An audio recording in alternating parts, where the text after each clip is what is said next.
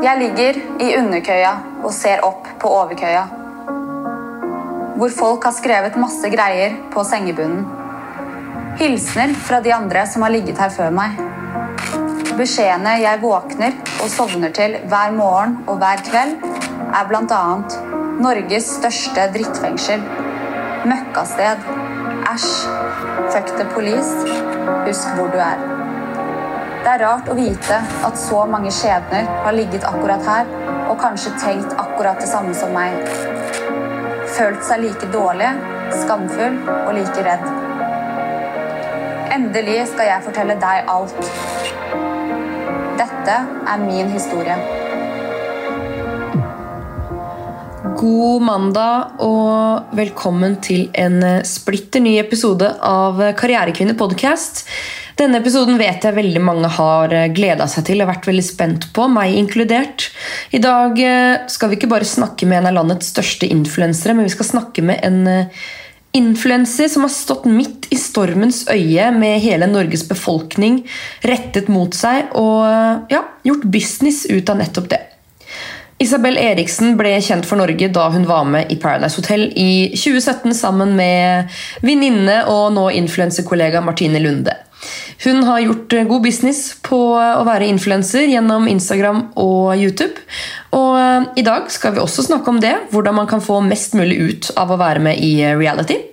Hvordan man kan gjøre influenserhobbyen til big business. Og selvfølgelig så skal jeg forsøke så godt jeg kan å dykke dypere ned i hva som skjedde den natten som sørget for at Isabel havnet i fengsel. Det ble bok, det ble business. I just love money.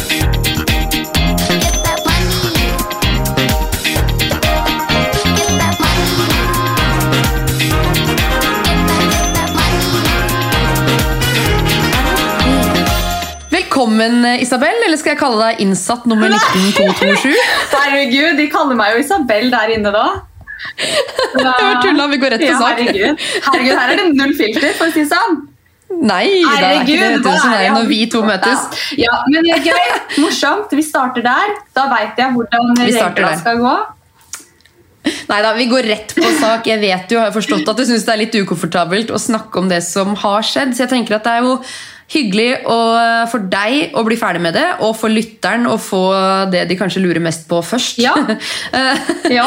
Men um, vi kan jo starte med hvordan har du det om dagen? Fordi du gikk jo Du kom jo ut fra fengsel og gikk rett inn i pandemi, nesten. Jeg, oh my God, jeg gjorde det! Det er ingen som har spurt meg om det før, faktisk. Men jeg tenker så mye på det. at herregud, Jeg har vært i karantene så mye lenger enn alle andre, så bare slutt å klage. Ja, fy fader! Nei, men Altså, hvordan, eh, hvordan, hvordan, hvordan har det vært? Det var jo egentlig, for å være helt ærlig, så har det vært egentlig litt bra. Eh, fordi det har gjort at jeg på en måte kan lande litt ordentlig og ikke føle på det presset at det, nei, nå må jeg møte masse folk, nå må jeg eh, ut, nå må jeg feire at jeg er ute. liksom. Så det har for å være helt ærlig, litt sånn, det har vært litt bra for meg. For da har jeg liksom på en måte klart å lande og være alene og liksom tenke og ja, rett og slett liksom lander litt. da. Ja, for det er sikkert mye som går rundt i topplokket, både når man sitter inne, men også når man kommer ut og reflekterer over hva man har opplevd, hva som møter en, ikke Ja. minst. Så du har sikkert hatt uh, mye å tenke på, men nå, uh, et år senere, hvordan går det nå? Eh, du, Det går faktisk helt sykt bra akkurat nå. Jeg tror ikke jeg har hatt det så bra med meg selv på flere år. Eh, Å, så deilig. og det er jo fordi at eh, jeg på en måte har jobbet så sykt mye liksom, med meg selv inni mitt eget hode. Både der inne, men også liksom nå i ettertid. Og bare reflektert over for eksempel ting jeg har gått igjennom eh, før. Og ja, bare jobbet med meg selv da, og kommet meg videre og tilgitt meg selv. og jeg føler liksom ikke at jeg, jeg har noe på skuldrene mine lenger. fordi det følte jeg jo før jeg på en måte fortalte at jeg hadde skrevet bok om dette her. Så følte jo jeg at jeg på en måte hadde ti kilo på skuldrene. Og liksom skjulte noe stort. Eh, men det gjør jeg jo ikke nå lenger, og jeg føler jo heller ikke at jeg har skjult dette her. Jeg har bare ikke snakket mye om det offentlig fordi jeg har på en måte eh, ventet med at boka skal komme ut. Og det måtte jeg også. Jeg fikk beskjed om fra både psykolog og forlaget på en måte, at det ikke snakk om det nå. Og fra psykologen så var jo Mm. det fordi at eh, hun visste hvordan jeg hadde det inni meg. da.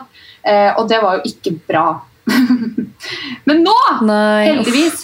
Og så er det så irriterende at folk er sånn der ah, Du skulle bare sagt det med en gang, og hvorfor sa du det ikke med en gang? Hvorfor venta du så lenge? Men det er jo fordi at eh, jeg på en måte måtte takle med dette selv før jeg kunne fortelle det til hele Norge, på en måte. Eh, Mm. Og ja, komme meg over det selv før jeg fortalte alle alt. Altså jeg, hele livet mitt er inni den boka her, liksom. Shit, det må være så skummelt. Du sitter jo med den i hendene Ja. nå. Wow, Hvordan føles det å ha den i hendene? Det er helt sykt. Jeg skrev jo først boka for hånd, faktisk. Eh, og så skrev jeg den over på PC da jeg kom hjem. Og da tenkte jo jeg Jeg visste jo på en måte ikke at det kom til å bli en sånn tjukk og lang og ordentlig bok. på en måte Så det er jo helt sykt. Altså, jeg husker jeg jeg begynte å grine da jeg så den for første gang og liksom holdt den for første gang fordi jeg var liksom både stolt og livredd. Det er jeg fortsatt. Eh, så Skjønner. Men det er gøy. Det er veldig gøy. Men eh, jeg har jo ikke fått lest boka ennå, men jeg er veldig glad for at du har lyst til å komme og snakke litt om den her. Selv om du har fortalt meg litt på forhånd at du har jo noen kontrakter og regler som du må følge. Ja. Den episoden her kommer jo ut uh, ja, akkurat på dagen hvor du faktisk får lov til å snakke om det litt sånn overalt. er det ja, ikke det? og akkurat nå så finnes boka i alle butikker i hele Norge. Eller bokhandlere. Så det er bare å gå og kjøpe, folkens! Nei da. Nei, men det er veldig spennende.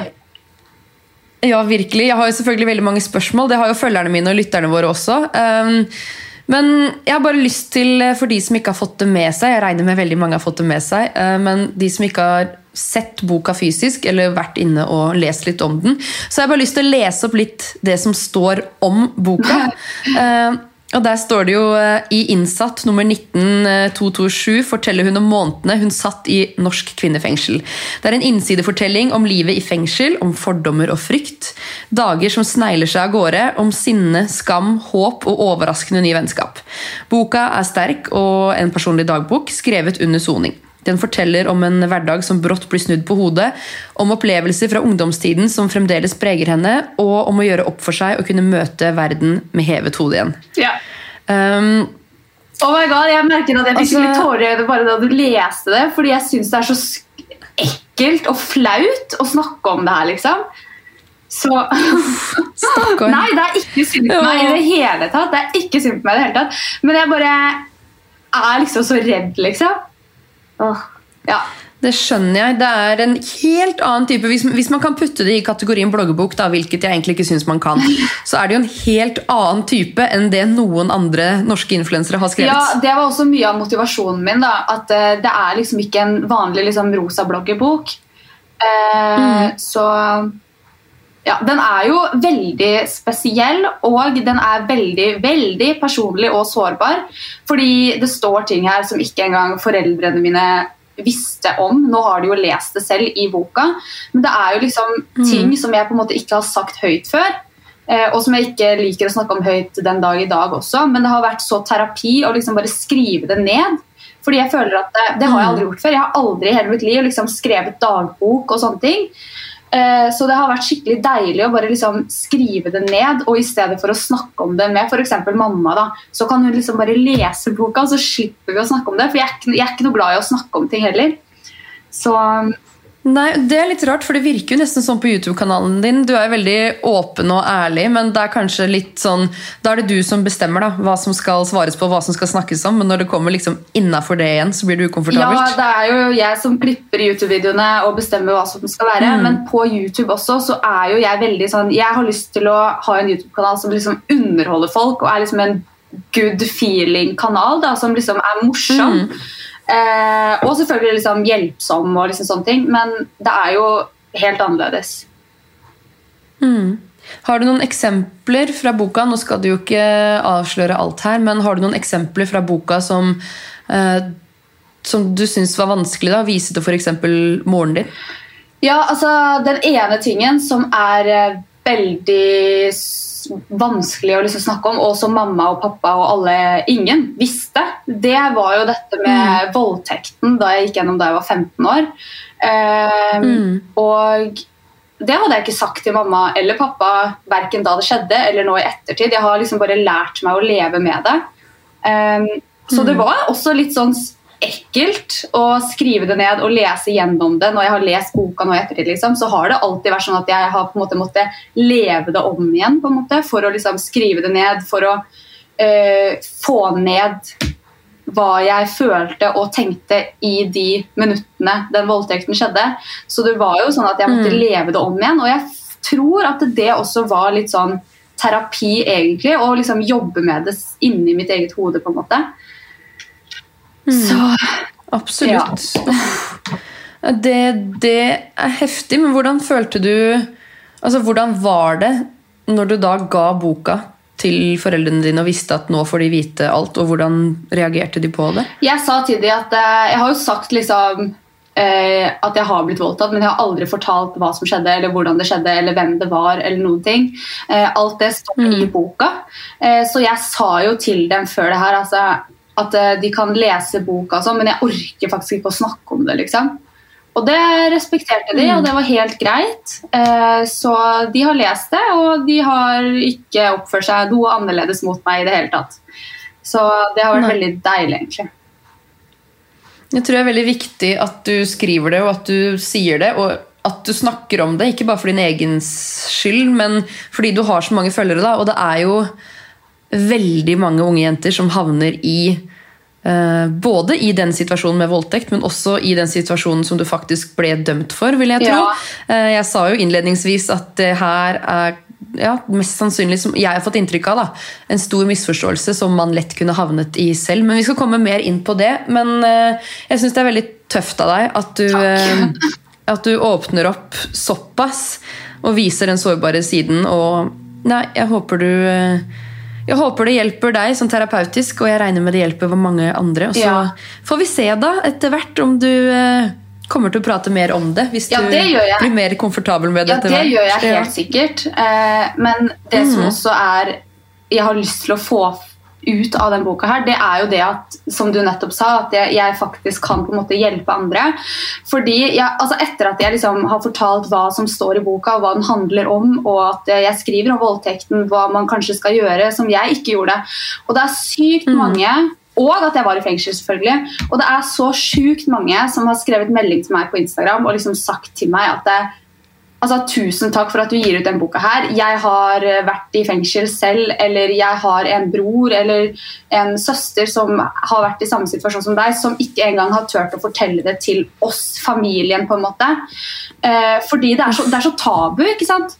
Og med en gang folk hører ordet fengsel, så tenker man med en gang liksom Ok, er, du er hardbarka kriminell, liksom. Men Ja, ja, man er ikke kriminell. Det er også noe som har irritert meg så mye, og liksom gjort at jeg har på en måte følt meg skikkelig dårlig. Det er at folk har liksom kalt meg for kriminell, på en måte. Og Mm. alle som er i fengsel, er ikke kriminelle. Altså, man er ikke kriminell fordi man har gjort en feil. Man er kriminell hvis man lever og vet og bevisst eh, liksom gjør kriminelle handlinger. Mm. Ja, nei, jeg er enig, fordi sånn jeg har forstått det, da, jeg har lyst til å grave litt mer i det, men det som skjedde eh, den natta, eh, som, som du ble dømt for, det var en ganske impulsiv handling med mye uflaks i. Har jeg forstått det riktig da? Eh, ja, den første saken var jo det. Mm. Vil du gå litt mer i detalj, eller hinte litt til hva som Ja, skjedde? ja, altså det var jo eh, eh, på en fest. Eh, og det som folk tror, det er jo at jeg seriøst har liksom gått bort til en random person og bare knust en flaske i huet på han. Og det er jo ikke i det hele tatt det som skjedde. Eh, for det var jo et veldig langt hendelsesforløp før dette her. Og det var jo ting som han gjorde først mot meg, eh, som da gjorde at eh, han fikk det glasset tilbake, på en måte. Eh, mer enn det står det om i boka. Jeg vet ikke, jeg tør ikke å si noe mer. Eh, Nei, jeg skjønner du er uh, omfatta av kontrakter, men du nevnte to saker. Eh, det var ikke samme kveld. Er det, er det, føler du på en måte at eh, Det her kan jo du mye mer om enn meg. Jeg har jo vært journalist i en del rettssaker. Men eh, har du da blitt dømt pga. en type gjentagende handling, eller har du fått to forskjellige dommer? Du måte, Har du, har du sona for begge dommene samtidig? Ja, eh, jeg sona Hvordan- for begge samtidig. Eh, Og eh, den andre saken, det skjedde jo på en måte midt i på en måte media og hatmeldinger og alt sånt her fra den første. Så jeg var jo Mm. så langt nede at det var jo på den, i den perioden som jeg faktisk eh, hadde lyst til å ta mitt eget liv. Det skriver jeg også mye om i boken. Dette med skammen og det, å, det selvhatet som jeg hadde. Altså, jeg, det var ing, altså, folk sier å, jeg hater Isabel Eriksen, men det er ingen Mm. i hele verden som har hata meg mer enn jeg har hata meg selv. Eh, og og Faen, altså! Jeg hater å snakke om det her. Nå griner jeg igjen. Jeg, åh, Nei, men du viser bare en sårbar side, og det er det fineste du kan gjøre i den situasjonen her, tror jeg. Ja. Jeg kjenner bare jeg blir uff. Jeg, jeg forstår at man ikke skal synes synd på deg, at du ikke, forst, at du ikke synes synd på deg selv, men likevel ikke. Det er bare det at jeg er flau, liksom. Eh, Mm. men ja, altså, den andre greia skjedde jo eh, på en måte midt i den perioden hvor det var liksom medieoppstyr og eh, hat på sosiale medier, og jeg liksom hata meg selv, så jeg var jo jeg var jo ikke meg selv i det hele tatt den perioden her. Eh, så, men det var jo noe som skjedde på den taxituren også, da, som inni mitt eget hode, eh, som jeg også skriver om i boka. Eh, ja, som folk må lese før de på en måte dømmer, da, føler jeg egentlig. Men eh, Mm. ja. Uff. Men når du sier det her med at du var så langt nede at du tenkte på å ta ditt Mm. eget liv, eh, var, det noe, var det noe man kunne se på deg? Nei. Eller var liksom alt bra på nett? Eh, alt eh, var bra på nett. Eh, min på en måte flykte Jeg flykta litt til eh, YouTube og internett. Altså, jeg tror ikke jeg har filma eller laget flere videoer enn det jeg gjorde på det, i den perioden der. Fordi at det, når jeg satte frem kamera og liksom begynte å snakke til kamera og til YouTube, så klarte jeg på en måte å glemme det litt. Eh, Så og det er, det er mye som skjuler seg bak et smil. Så det er viktig å tenke på at eh, uansett hvem du ser på, eller hva du ser på, og noen smiler og har det bra som du ser, så er det ikke sikkert at det er sånn på ordentlig. Um, og jeg var jo veldig sånn at jeg, jeg snakka jo ikke om dette her, eller med, med noen om dette her heller, fordi jeg var flau og ville ikke det. Jeg ville ikke snakke om det heller med liksom mamma eller uh, Erik, som da var kjæresten min. Jeg hadde ikke lyst til å snakke om det, selv om de på en måte prøvde litt. Så sa jeg liksom jeg, jeg vil ikke snakke om det, liksom. Kan dere slutte? Uh, fordi jeg var så flau for min egen familie og liksom venner og sånne ting. Så ja. Nei, det er så viktig det du sier med at man kan ikke se hva som skjuler seg bak et smil. Eh, Jeg har jo også hatt sånne perioder hvor man har vært langt nede, da, og da er det så eh, fint når man først møter mennesker som bare ser rett gjennom deg, som om du var gjennomsiktig. Bare sånn Nå ser jeg at du ikke har det bra, når du møter de menneskene der. Det er, åh, nei, det er deilig. Ja. Men det er en veldig viktig, viktig å huske på folk. For du, spesielt du, da, som er såpass stor og profilert, som garantert har opplevd mye netthets og hat. Det vet vi jo etter det du har stått i nå. Men at man vet aldri hvilken kommentar som får det begeret til å renne over. Det er veldig viktig at folk der ute tenker på ja. Uh, før man sender av gårde den kommentaren. Skriv ned hva du vil, men legg det i notater. Ikke trykk 'send'. Da får du letta på trykket, og du unngår å være den personen som pusher noen over grensa. ja. Det er helt riktig. Så liten opplæring til folket. Fader, jeg blir forbanna på de greiene Ja. her. Men eh, tilbake til eh, boka. Ja. Eh, du sier jo litt at den handler om ja, oppveksten og selvfølgelig som, hvordan det var i fengsel. Kan du fortelle litt mer? Liksom sånn, hva handler boka om, og hva opplevde du i fengsel? Ta oss litt gjennom det du kan av boka. Ok. Um, altså da jeg skulle Jeg så jo på sykt mange sånn fengselsfilmer. det var det dummeste jeg, Ja, det var det dummeste jeg kunne gjøre. Men jeg så jo på alle de seriene liksom før jeg skulle inn dit. Fordi Ja, selvfølgelig, fordi man er jo redd for hva som blir å skje, og hvordan det er. og la, la.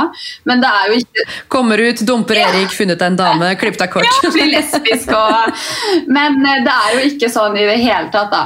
Eh, I hvert fall ikke i Norge. Så det var faktisk eh, Jeg har møtt mye finere mennesker i fengsel enn det jeg har gjort her ute. Og det er også noe å tenke på, at det, det er ikke bare drittsekker som er der inne. Altså Man er der fordi at man f.eks. ikke gidder å betale en bot. Så kan man sone fengsel Mm. i stedet. Man kan velge, liksom. Og for eksempel, Mm. liksom, hvis du kjører litt for fort. Altså Det er så sykt mye som kan få deg dit. da. Jeg kjenner så mange som har sittet i fengsel. Ja. Ingen av dem er ja, kriminelle, hvis man kan si det sånn. det er liksom eh, Det føler jeg at folk ikke helt Det er så tabu å snakke om, ikke sant? så folk vet ikke det. Eller folk gidder ikke å skjønne Mm. det, eller sette seg inn i det. Eh, men jo, det var jo veldig mye gøy som også skjedde der inne. Hvis det er lov hvis det er lov å si det.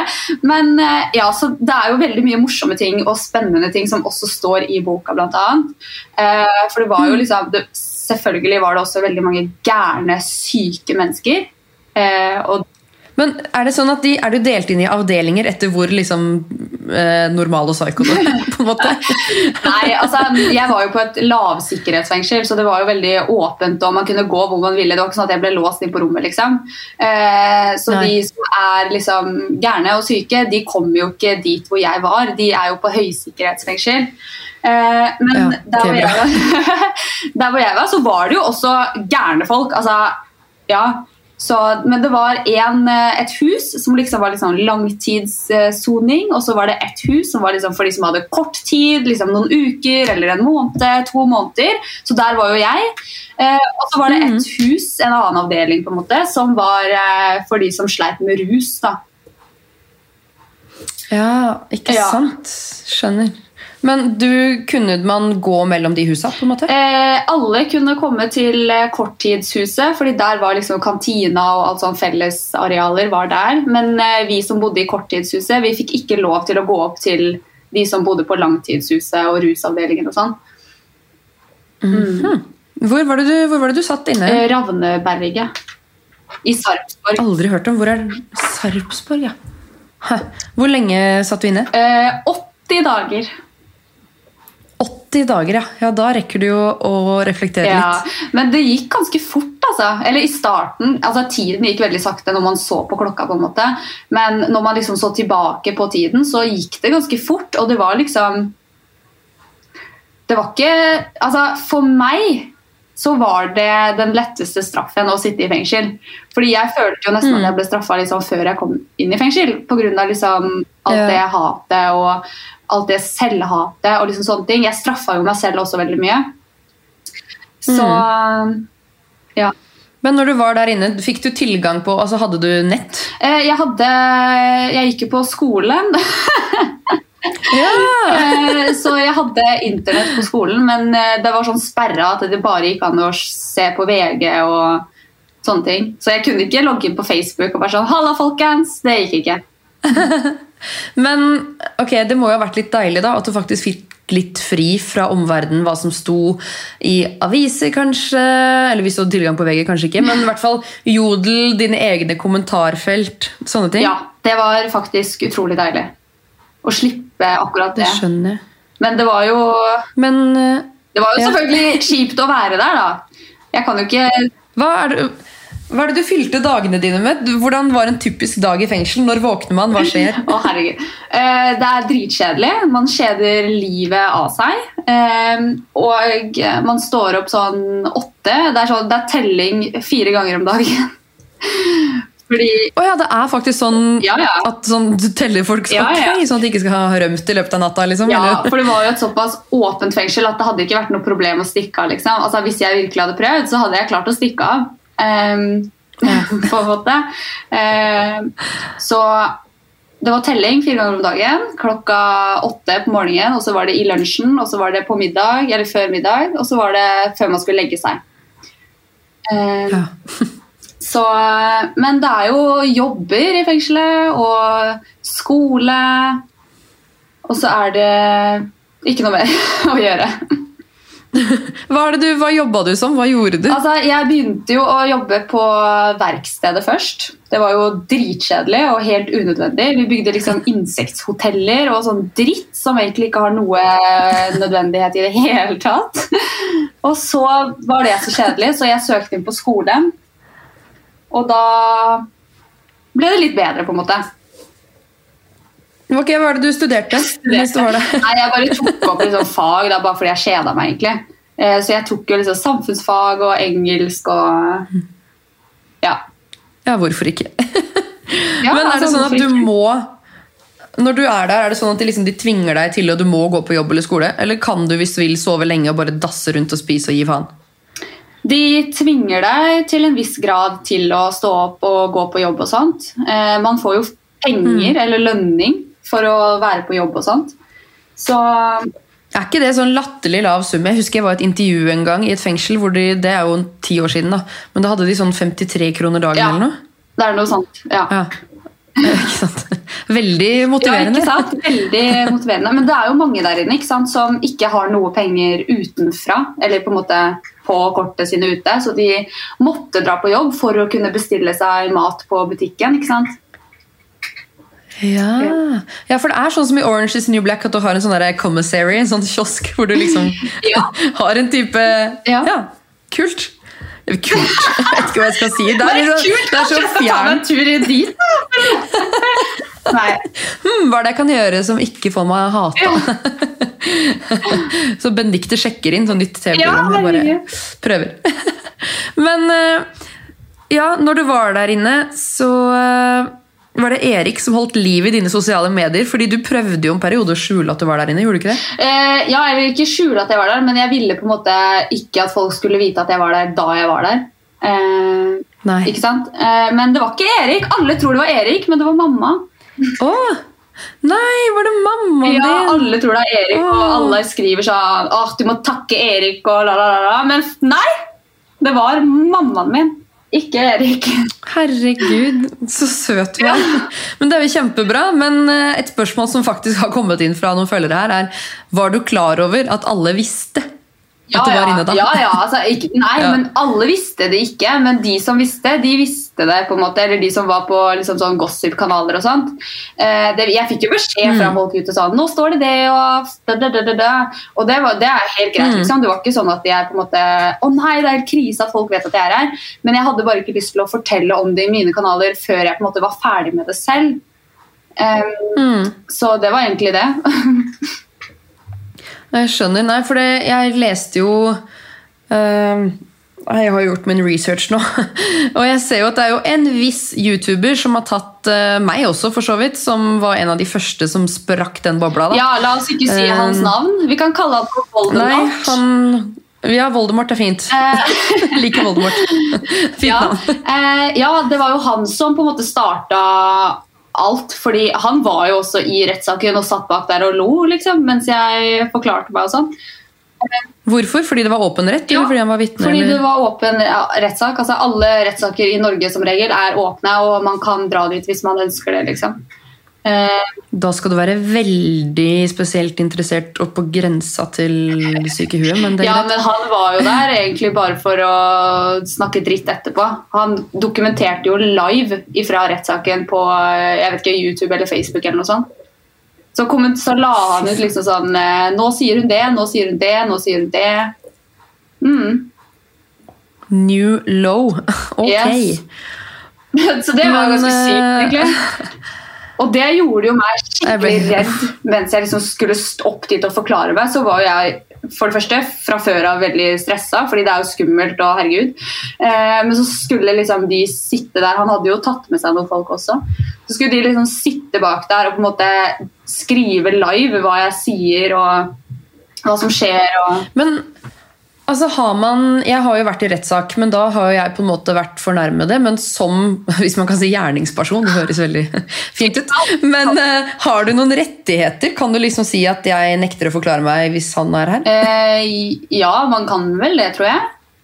Det er jo Mm, det ytringsfrihet. noe Man har jo lov til det uansett, på en måte, tror jeg. Men jeg gjorde ikke det, da. Ja, det var ikke du. Nei. nei, nei, ikke sant? Det sier bare litt mer om deg da, enn om han. at du bare, ja, vær så god. Jeg bare, Her har du så mye ting og innhold til kanalene dine. Bare hyggelig. Jeg sender faktura. Nei da. Ja, jeg sender faktura. Det er det jeg tenkte på. Genialt. Men eh, ok, hva, hvordan, hva var det verste med det her? Jeg kan jo se for meg selv å ha så mange unge følgere og være et sånt forbilde som du er.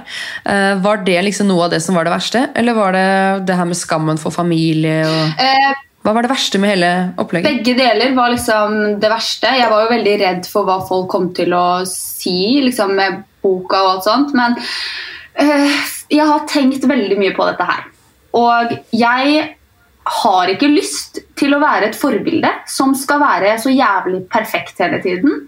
Jeg har lyst til å vise både mine unge følgere, følgere på min egen alder, og eldre folk som er foreldre, har jeg lyst til å vise at eh, man kan gjøre feil og ta straffen sin for det eventuelt, og komme seg videre i livet. Det er så viktig, fordi alle mennesker gjør feil i livet, uansett hva det måtte være.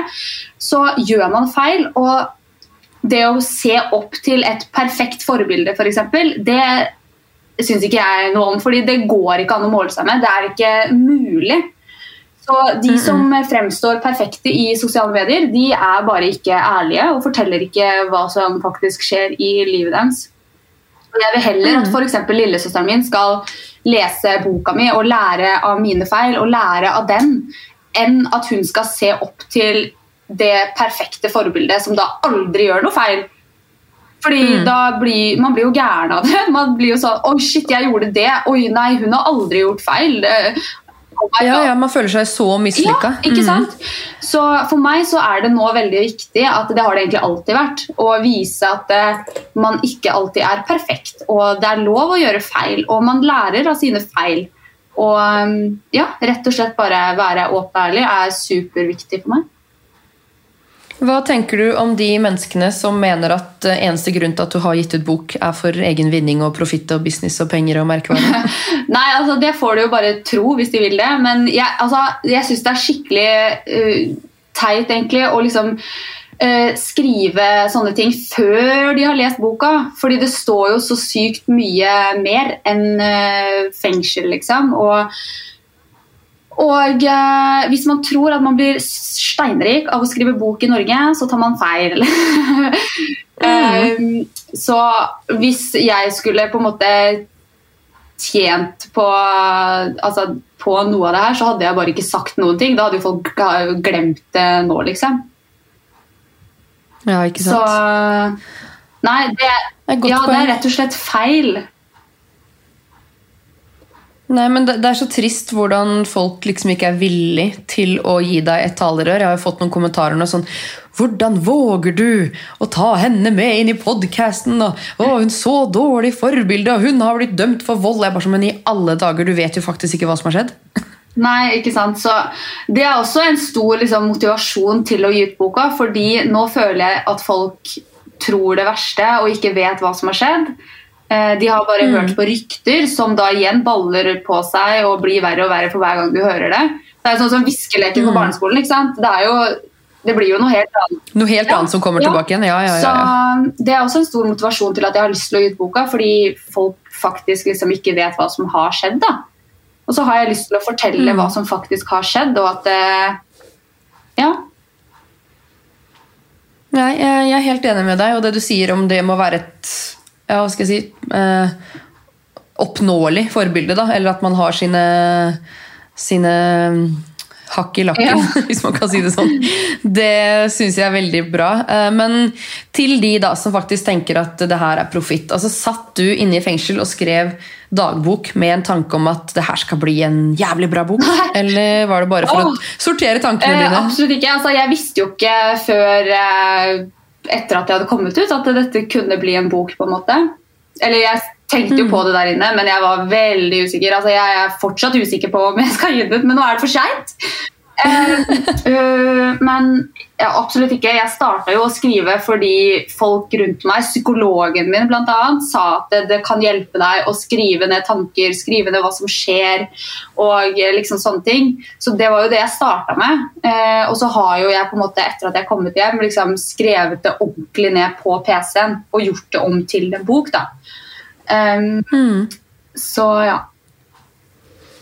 Hvordan var prosessen å gi ut en bok? Bare sånn for å gå litt over på karriere. Det er sikkert mange som sitter her og tenker at det hadde vært kult å gitt ut en bok en gang. Altså, hvordan, nå regner jeg med at eh, forlagene sto klare for deg, men hvordan var hele den prosessen fram og tilbake med hva som skulle være med og ikke? Og... Nei, altså jeg var jo veldig sånn Ja. at eh, hvis jeg skal gi ut denne boka her, så skal eh, jeg skrive alt. Altså både dritt eller hva som har skjedd med meg i livet, men òg liksom andre ting. Og det gjorde jeg. Det står i boka absolutt alt. Eh, så vi har jo vært nødt til å anonymisere hele boka, fordi jeg skriver jo om folk jeg møtte der inne, og gærne folk og hyggelige folk. ikke sant? Så Mm. det har jo vært, med tanke på min bok, som har så veldig eh, Det er jo ekte. Det er jo ekte mennesker jeg skriver om. Så for meg så har Mm. det jo vært veldig sånn at vi har måttet gå gjennom veldig mye. og liksom, Kan vi ta med det? Hvordan skal vi må endre navn? Og liksom sånne ting. Så Men det har vært veldig lærerikt og gøy, og forlaget har vært så hjelpsomme og hyggelige. Jeg gir jo ut med Kagge, eh, som er et forlag. Mm. og de er superhyggelige og. Hva var spørsmålet igjen, egentlig? Nei, da, nei, du svarte. Okay. Det er liksom bare litt sånn hvordan, hvordan det var å faktisk skrive en bok. Ja, Prosessen. nei, jeg Men eh, det er jo Jeg starta jo, Ja, jo som sagt for hånd, på en måte. Og da jeg kom hjem, så var det jo liksom Så satt jeg der med et, eh, en A4-blokk som var liksom full. Så da tenkte jeg sånn, og så var jeg sånn Ok, hvordan skal jeg liksom For jeg hadde jo lyst til å snakke om eh, alt dette her, både liksom voldtekten, barndommen, mobbingen. Alt dette her har jeg hatt lyst til å snakke om lenge, liksom på YouTube f.eks. Men så har jeg vært sånn der jeg, jeg kunne jo bare gitt ut denne boka, så er alt i den. Um, så Mm. får folk svar på alt de lurer på, og jeg får fortalt alt jeg ønsker. og, og sånne ting. Så da begynte jeg å skrive ned alt for hånd, og eh, sendte mail til eh, forlag. da. Mm. Og så var de interessert, og så har vi egentlig bare eh, snakka eh, under prosessen. Sånn, jeg har sendt de utkast og sånne ting, og så har de liksom tipsa meg og kanskje du skal skrive litt mer om dette, og sånne ting. da. Og ja, eh, som du sa, sykt å holde boka si i hånda for første gang. Kan jeg se for meg? Det er gøy. Herregud. Er den boka det fysiske produktet du er mest stolt over å ha Stolt med en liten bismak over å ha jeg, fått til? jeg er stolt av boka, ikke like stolt av hva som står inni den. Um, eh, men ja, det er jo på en måte Det er jo det. Jeg har jo ikke egentlig noe annet som er merchet mitt. da. Det er jo på en måte de to tingene som jeg jobber med i dag, og som jeg er veldig stolt av. Men det, det er litt kult, for det tar meg rett tilbake igjen til, eh, til det jeg snakka om å ha unge følgere.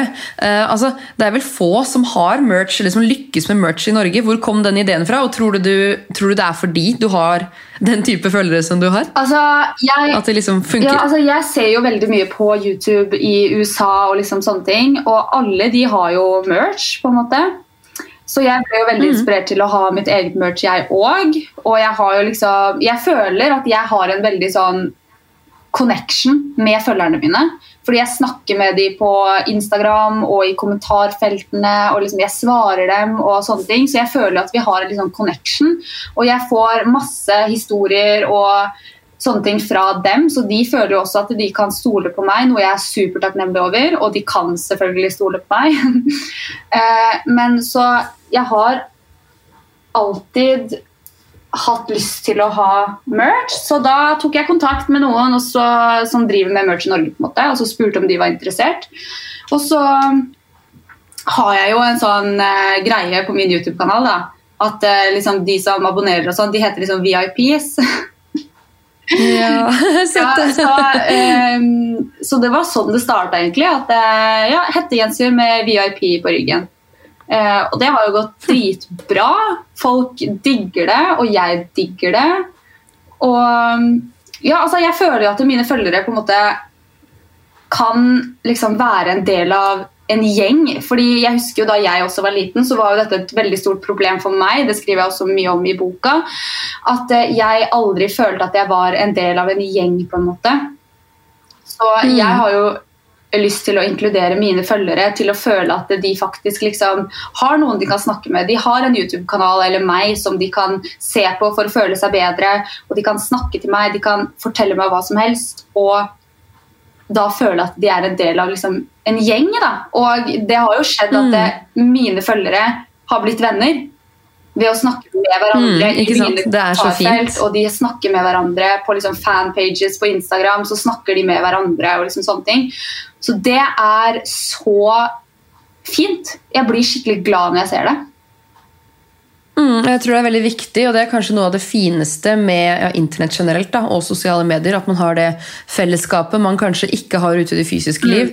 Eh, litt skummelt selvfølgelig hvis man blir låst til eh, den digitale verden, men veldig fint for de som på en måte ikke føler at de har noe valg, kanskje. Eh, du, jeg ser jo for meg at du er en sånn type storesøster for alle de her, og du, du svarer jo på hva som helst.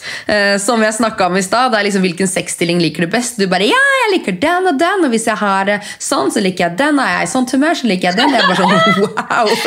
Ja, ja, men altså, det er som vi sier, da. Altså, altså jeg er så lei av at alt skal være så tabu, og at det kan man ikke snakke om fordi du har unge følgere. Altså, jo, man skal faktisk lære altså Man lærer så sykt lite på skolen.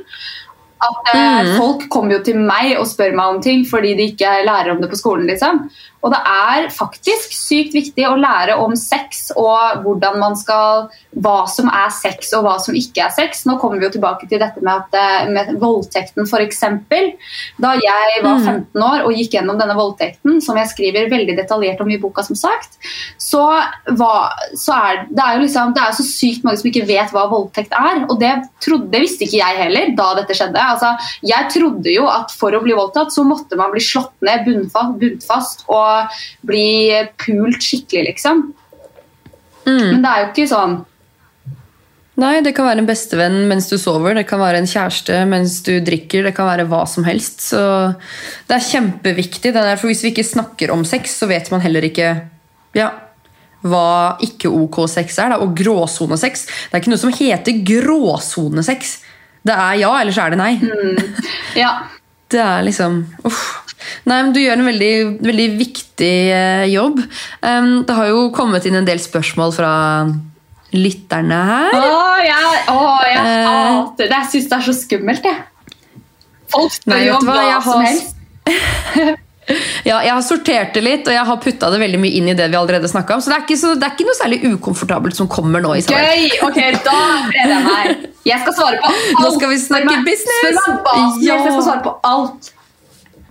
Åh, gøy. Eh, det er noen som spør her, da. Hva hadde du vært uten deltakelsen i PH?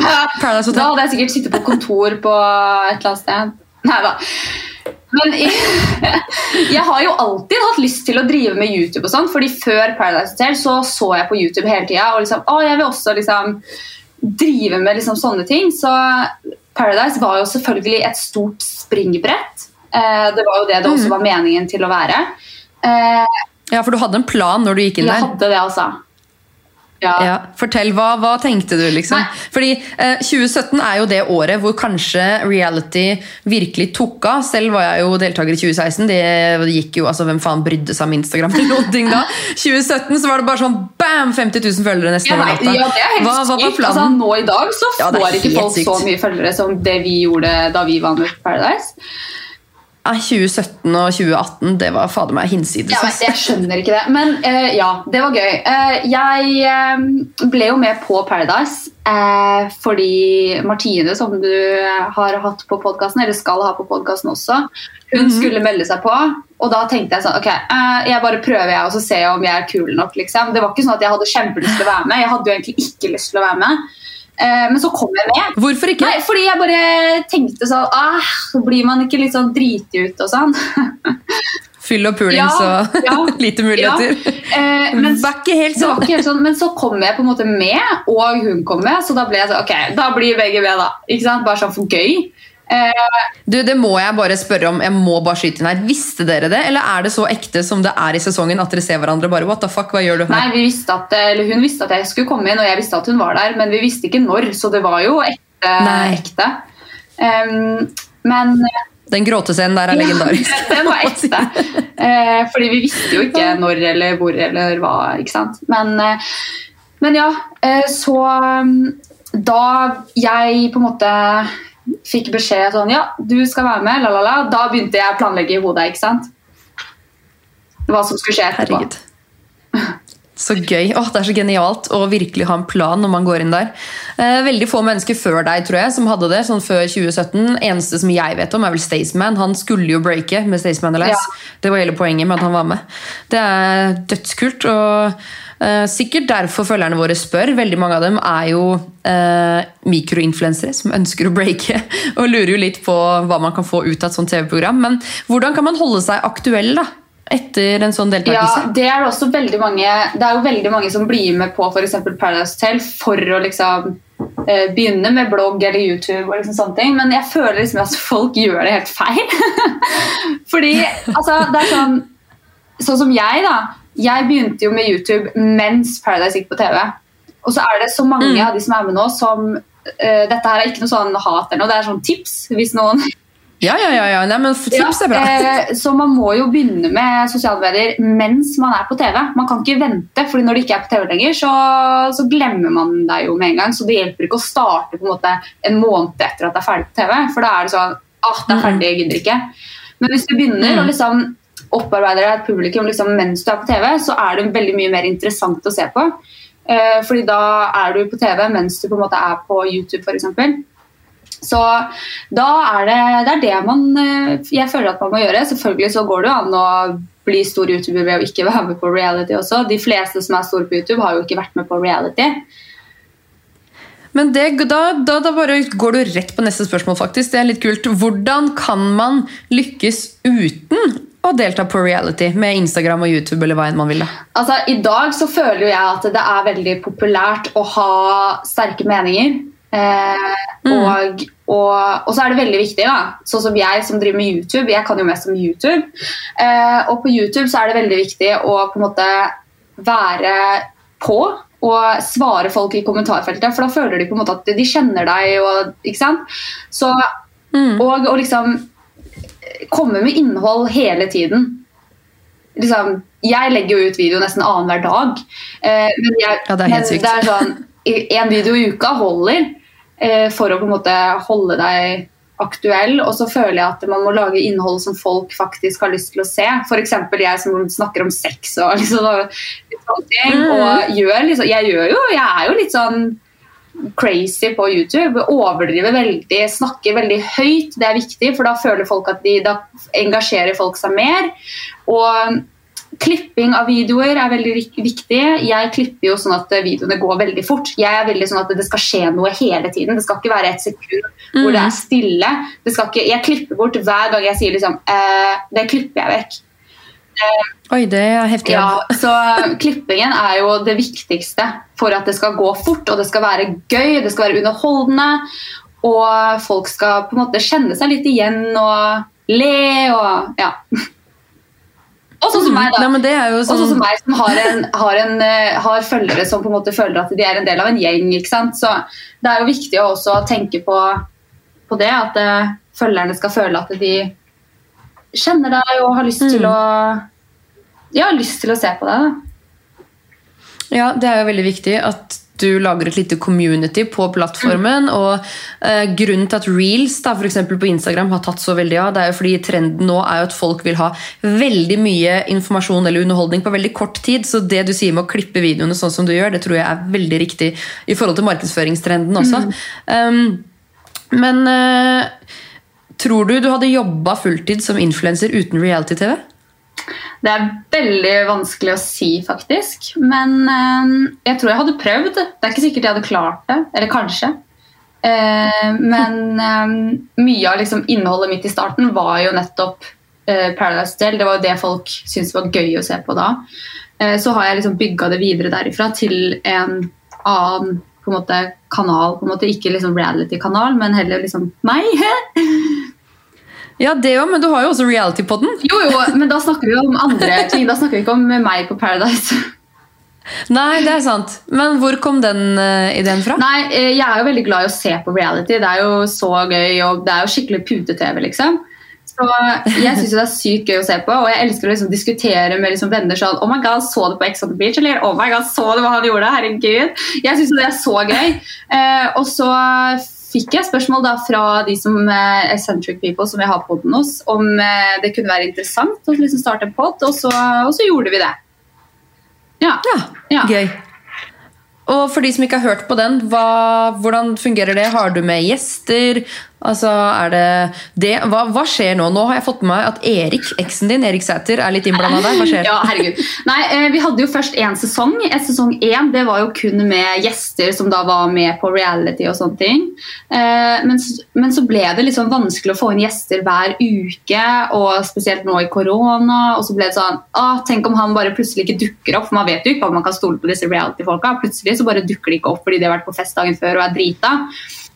Jeg har sittet i dag og vært bare sånn fy faen hvis Martine Lunde og Isabel Eriksen bare sånn der, ditcher meg i dag. Kommer det ikke en episode i uka? Nei, nei, nei. Men eh, nei. Eh, så så eh, i sesong to, som vi har starta nå, da har vi jo bestemt oss Eller det var jo det var ikke jeg som bestemte det, men eh, de kom med et forslag da, om Erik eh, ville være liksom en co-programleder sammen med meg på en måte, og være med hver, hver uke.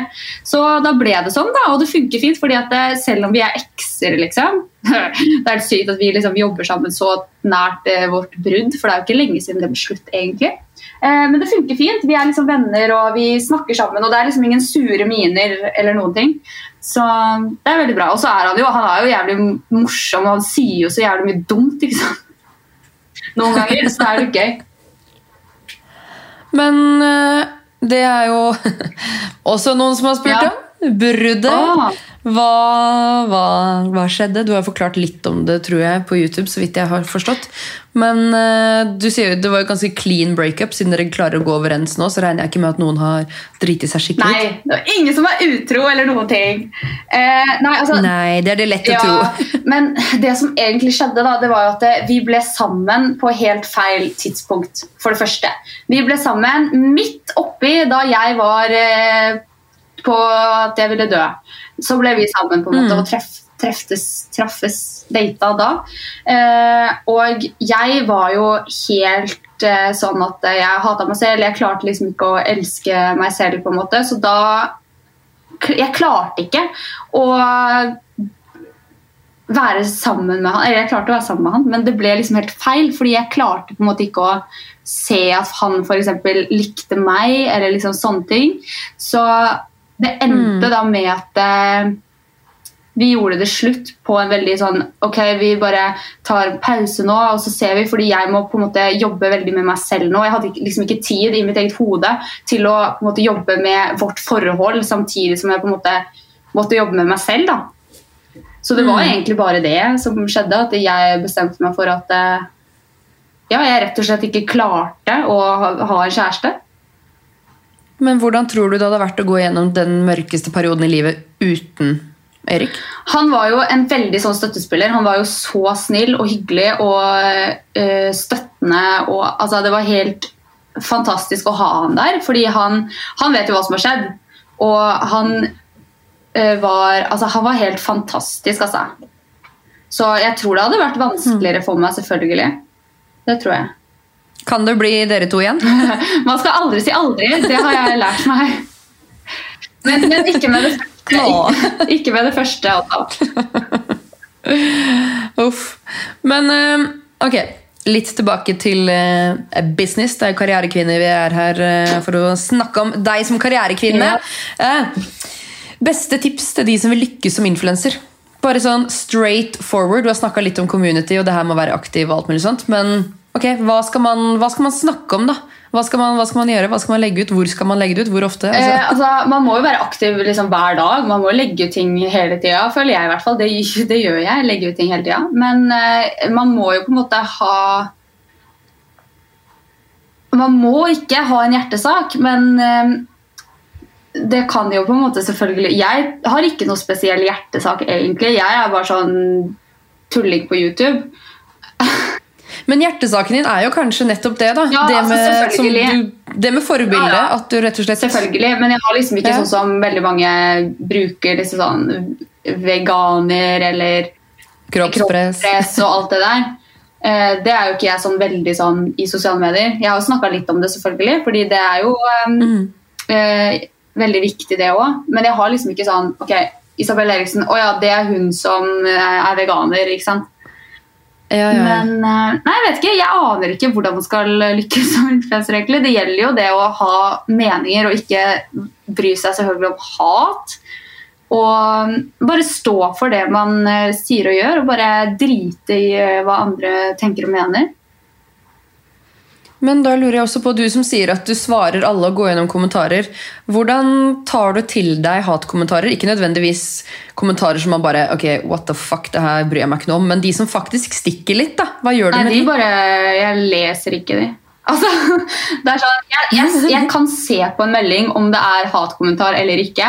Så med en gang jeg leser første setning, så ser jeg at ok, det her er bare dritt, så da bare går jeg ut.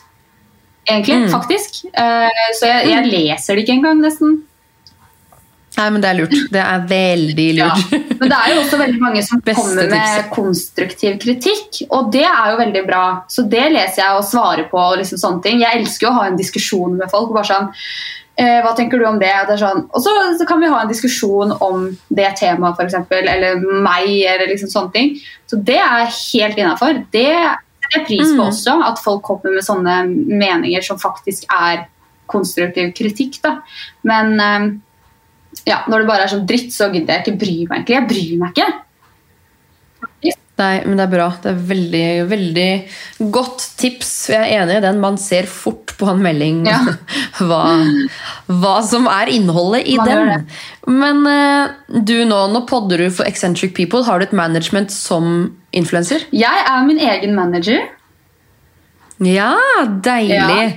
Eh, du har vel også hatt et management? De fleste har vel vært under et management? Ja, eh, jo, Eller? men eh, det funka liksom ikke. Eller jeg følte at eh, det var så mange på en måte under det samme, så det var litt sånn de favoriserte og ga kun annonser til de og sånne ting. Mm. Så, så jeg, Men, nå er jeg eh, veldig glad for at jeg er min egen eh, sjef og manager. Så bra, for da trives du best som din egen Jeg gjør, manager. jeg gjør det faktisk, for da slipper noen å få 20 Nei da. Ja, ja 100% enig. Det er veldig fint med de avtalene som man kanskje ikke hadde klart å lande selv uansett. Men eh, det er jo mange management som eh, Altså 20% det er jo ingenting. Det er jo mange som har krevd eh, mye mer opp Ja, det er mange som har 50 Men, liksom. mm, men eh, eh, når du forhandler pris på samarbeid Ja, jeg hater det. Jeg pleier, Hvorfor fordi jeg liker ikke å liksom selge meg sjøl. Nei, men Det er en sånn damegreie, tror jeg. Jeg skal faktisk inn på Inspire etterpå og snakke om det her med å prise seg selv og sin verdi, sin kunnskap, sine tjenester. Ja, men det er ikke det at Eh, jeg på en måte ikke liker å selge meg selv. Herregud, nå høres det helt feil ut. Men, men det er ikke det at jeg liksom sånn Men jeg vet på ekte liksom ikke hva jeg skal ta og sånt. Og når folk sender meg mail sånn Hva tar du for dette her? Så er det bare sånn at jeg bare finner på hva som er vanligvis at jeg tar, da. Jeg vet liksom Ja, nei, da må du jo ta det du tenker er normalt, eller det du tenker du vil ha, og så doble det, og så heller forhandle derfra. Oi! Oi! Doble det. Ja. Altså, Jeg har 22 000 følgere på Instagram, og jeg lever av det her. folkens. Dere må bare overprise dere og heller gå inn i en forhandling. Ok, Hvor mye tar du for en Insta-post, liksom? Eh, Med 22 000 følgere, så en post i feed eller en Eh, story? Begge deler. Eh, En post i feed er som regel mellom 8000 og 12 000, og en story er mellom 5000 og 10 000. Ja. Så til å ha 22 000 følgere, så Så jeg skal masse. egentlig ta liksom Masse. masse. Liksom, ja, 30 000, da. Ja, ja, ja. Absolutt. Ja, ja, ja, ja, ja. Hallo, kollegaene dine tar jo 25 til 35. Hva snakker du om? Kom igjen. Ja, men altså, det er så Jeg, jeg jo, føler jo egentlig at jeg er veldig snill på de prisene. Fordi at det, det er jo som folk sier, at det er ikke så jævlig vanskelig å ta et bilde og legge ut det i feed. Det liksom, Men hvorfor skal du være snill? Det handler jo ikke snill, om hallo. at ja, men nei, nei, nei, nei, nei. Du skal ikke være snill. Snill betaler ikke pensjonen din. Eh, du skal Du må tenke Du har ikke nødvendigvis en utdanning innen det du har. Én ting er jo den plattformen du har som altså markedsføringsverdi. Det er jo én ting. Du har mange følgere. Du når ut til flere enn lokalavisa, mest sannsynlig. Um, men du tar også Du lager bra, engasjerende innhold. Eh, Ja, du har en del unge følgere, men du har fortsatt en del store, eh, eldre, kjøpesterke grupper. Eh, Så jeg tenker at du bare skal, du skal i hvert fall ligge på 25 for en post i hvert fall. ok. Du bare ok, jeg kommer, jeg bare belærer deg. Ja. Nei, men altså, hvis du har Clubhouse, så kom dere inn på Clubhouse. Jeg hoster rom bl.a. i dag med Inspire Me, som veldig mange booker oppdrag fra. Og jeg hoster et rom med de for å snakke om det her med hvordan man skal prise seg. Så det er viktig folkens, å vite hva du har vært. Ikke tenk at nei, men jeg har ikke noe utdanning. Nei, men Hver eneste bok du har lest, hvert eneste post du har laga, hvert eneste samarbeid du har gjort, det er CV-en din. Det er basically det samme som utdanning. Så bare raise your prices, alle sammen! Ok? Nå har jeg fått kjefta litt.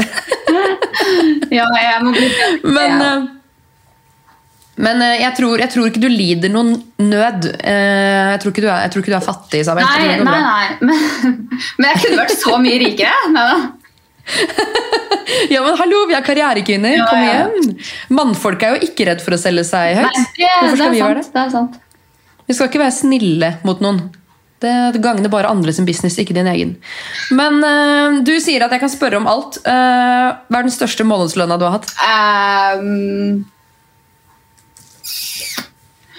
det er jo så sjukt forskjellig, eh, men det er kanskje aller mest sånn ever sånn, Hvis en måned har vært sånn dritbra Det var kanskje sånn i fjor eller noe. Eh, ja, kanskje 200 000, kanskje? eller? Mm. Ja. Deilig, eller? Ja, men altså, det går jo ikke til min lommebok, det går jo til firma. Så jeg, jeg, Ja, ja, ja, ja, jeg har ja. jo ikke brukt de, på en måte. Men du har AS eller ENK? AS. Ja, bra. Nei, men eh, herregud, eh, uansett, da. Det, selv om det går til firma, Ja. så er det jo du som eier Det er, er jo det. Eh, men gøy. Altså, hvor er Isabel Eriksen om ti år? Da Det, jeg har fått mange spørsmål på det, faktisk. Sånn skal du fortsatt være influenser og YouTube og underholde liksom, kidsa? Tenker du programleder? Hva tenker du? Altså, Jeg liker egentlig ikke å tenke så langt frem i tid. Fordi hallo, det kan hende jeg dør i morgen liksom, av å bli korset av trikken. Altså, You never know. Så Så du sparer ikke til pensjon? da? jeg gjør faktisk det. Jeg gjør faktisk det. Jeg har sparekonto og masse, masse penger. Neida. Men eh, jeg liker ikke å tenke sånn. Men eh, har, eh, nå har jeg lyst til å jobbe med det jeg gjør nå, helt til jeg på en måte ikke kan det lenger. Og etter det på en måte, så har jeg lyst til å fortsatt jobbe med liksom, eh, media sosiale medier. Liksom, en, kanskje bak kamera, kanskje som manager. Altså, jeg vet ikke. Men jeg, jeg har Yes. Jeg, kan ikke, det, jeg kan ikke se for meg at du liksom hopper bak noen andre, eller bak kamera. ikke Passer jeg så? Nei, jeg ser for meg du liksom uh, Nye Triana i Ja, det kunne jeg liksom, godt bli. Jeg kan godt bli programleder. Men i så fall, hva er det du kunne Jeg snakka faktisk om uh, det her med Martine også, men din episode kommer før Martine sin. Men hvis du skulle vært programleder, da, hvilket program uh, skulle det vært? Da må det være noe som kanskje er nytt, da. Eller jeg vet ikke. Noe sånn eh, Ja, Paradise Hotel det ser jo dritgøy ut. Eh, I Mexico to ganger i måneden Nei, to ganger i måneden. To måneder i året. Det er jo sykt digg. Oh. Eh, og hun deilig, gjør jo ikke så jævlig mye på jobb, eh, tror jeg. nei, det virker som om det er liksom mye styling. Men altså, du har jo vært med på Paradise, vi har begge to vært i TV. Du vet hvor mange timer det der tar. Ja. En parseremoni er ti minutter på TV, og så er det 20 timer i virkeligheten. føles ut som. Ja, det er jo det. Men, eh, men eh, Triana, for eksempel, da, hun er jo bare med oss eh, når det syns på TV. Hun er jo bare der to ganger i uka, ikke sant? på innsjekk og på parseremoni. Sjukt. Jeg lurer på hvordan det liksom fungerer sånn bak produksjonen. Ja. Det, hun får sikkert bare Q-cards med ting som har skjedd på Ja, ja. kameraene, og så vet hun akkurat hva Ja, hun skal fordi det er jo ikke sånn at hun, hun ser jo ikke hva som har skjedd der inne. Så hun får jo bare Nei, beskjed nei. fra produksjonen sånn Ja, det har skjedd. Spør om det, spør om det, spør om det. Herregud, chill jobb, ass. Men eh, ok, okay hvis vi hopper tilbake til reality, da, vi skal snart runde av her, for nå har vi skravla i over en time. Oh. Um, men hvilket reality-program eh, tror du eh, Eller hvilket reality-program har du lyst til å være med på? Eller hvor kan det hende man Oh ser ser deg? Hvis Jeg du har skulle velge. så lyst til å være med på Skal vi danse. Å, det skjønner jeg, det er jo en drøm. Det ser så gøy ut. Og så har jeg lyst til å være med på ja, Skal vi danse, kanskje liksom Jeg suger jo til å lage mat, så Camp Culinaris hadde jo vært veldig gøy å sett meg. Herregud, det hadde blitt TV, for å si det sånn. Det hadde blitt skikkelig show. Jeg klarte å steke pizza en gang. Eh, jeg har jo en, en serie på YouTube-kanalen hvor jeg prøver å lage mat, og det går jo ræva Jeg skjønner ikke at ikke jeg har brent ned det kjøkkenet her ennå. Men herregud da, kvinne. Nei, er ikke kvinnedagen. Kom deg på kjøkkenet. Herregud. Men ok, Det har vært dritkult, men skal vi danse? Altså, I hvert fall Camp Culinaris. Ja, ja.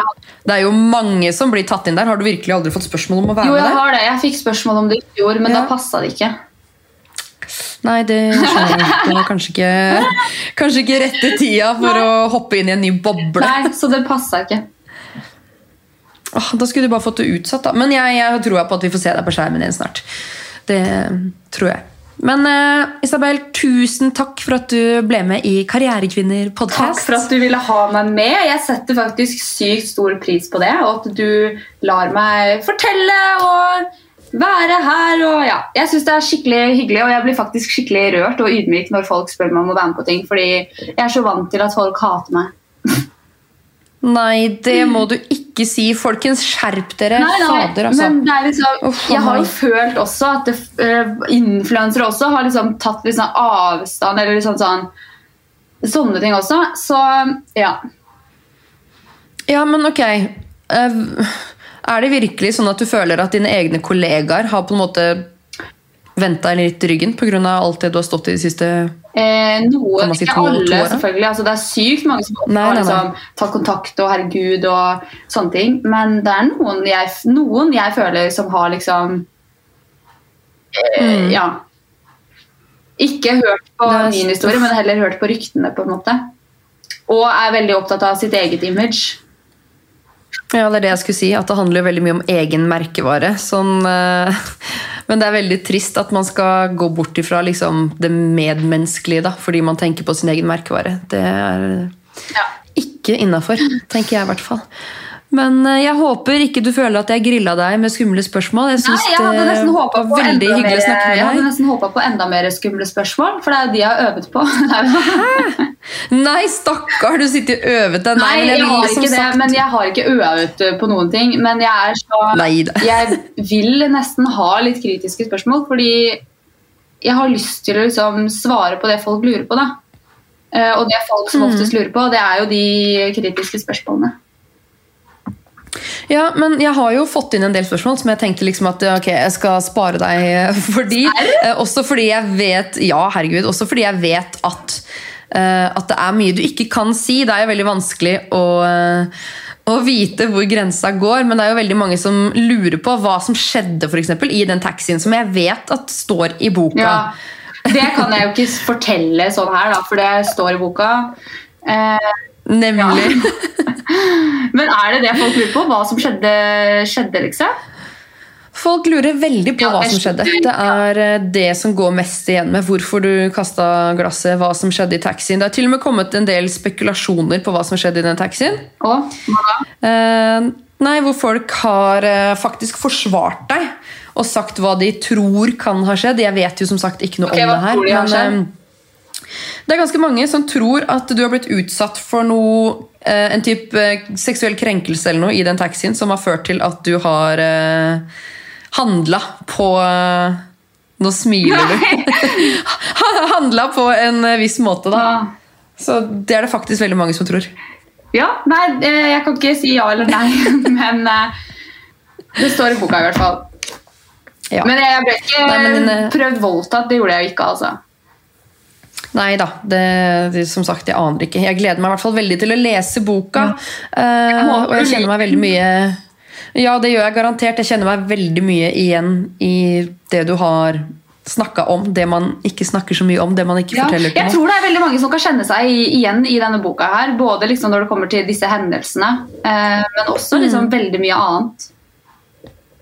Jeg håper folk får en liten eye-opener. Ja. hvert fall. Men tusen takk for at du kom i podkasten, og lykke til med boksalget, karrieren. Forhåpentligvis skal vi danse Camp Culinaris. Ja, tusen takk. Veldig hyggelig. Lykke til selv. Takk skal du ha. Og dere som lytter, tune inn på Karrierekvinner, og følg oss på Karrierekvinner, Equal Agency og Benedicte Haugård.no på Instagram. Og selvfølgelig Isabel Eriksen, men jeg regner med de fleste følger henne fra før av. Stjerna sjæl. Um, gå også inn i podcast-appen eller Spotify og abonner på oss. Gi oss gjerne noen stjerner og ratings. Og så snakkes vi neste uke med Martine Lunde. Ha det bra, alle sammen! I just love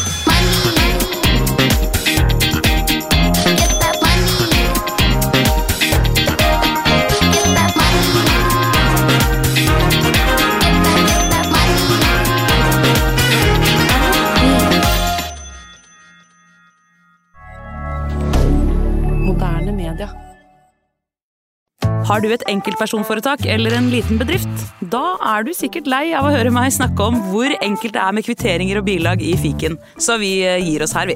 Fordi vi liker enkelt. Fiken superenkelt regnskap.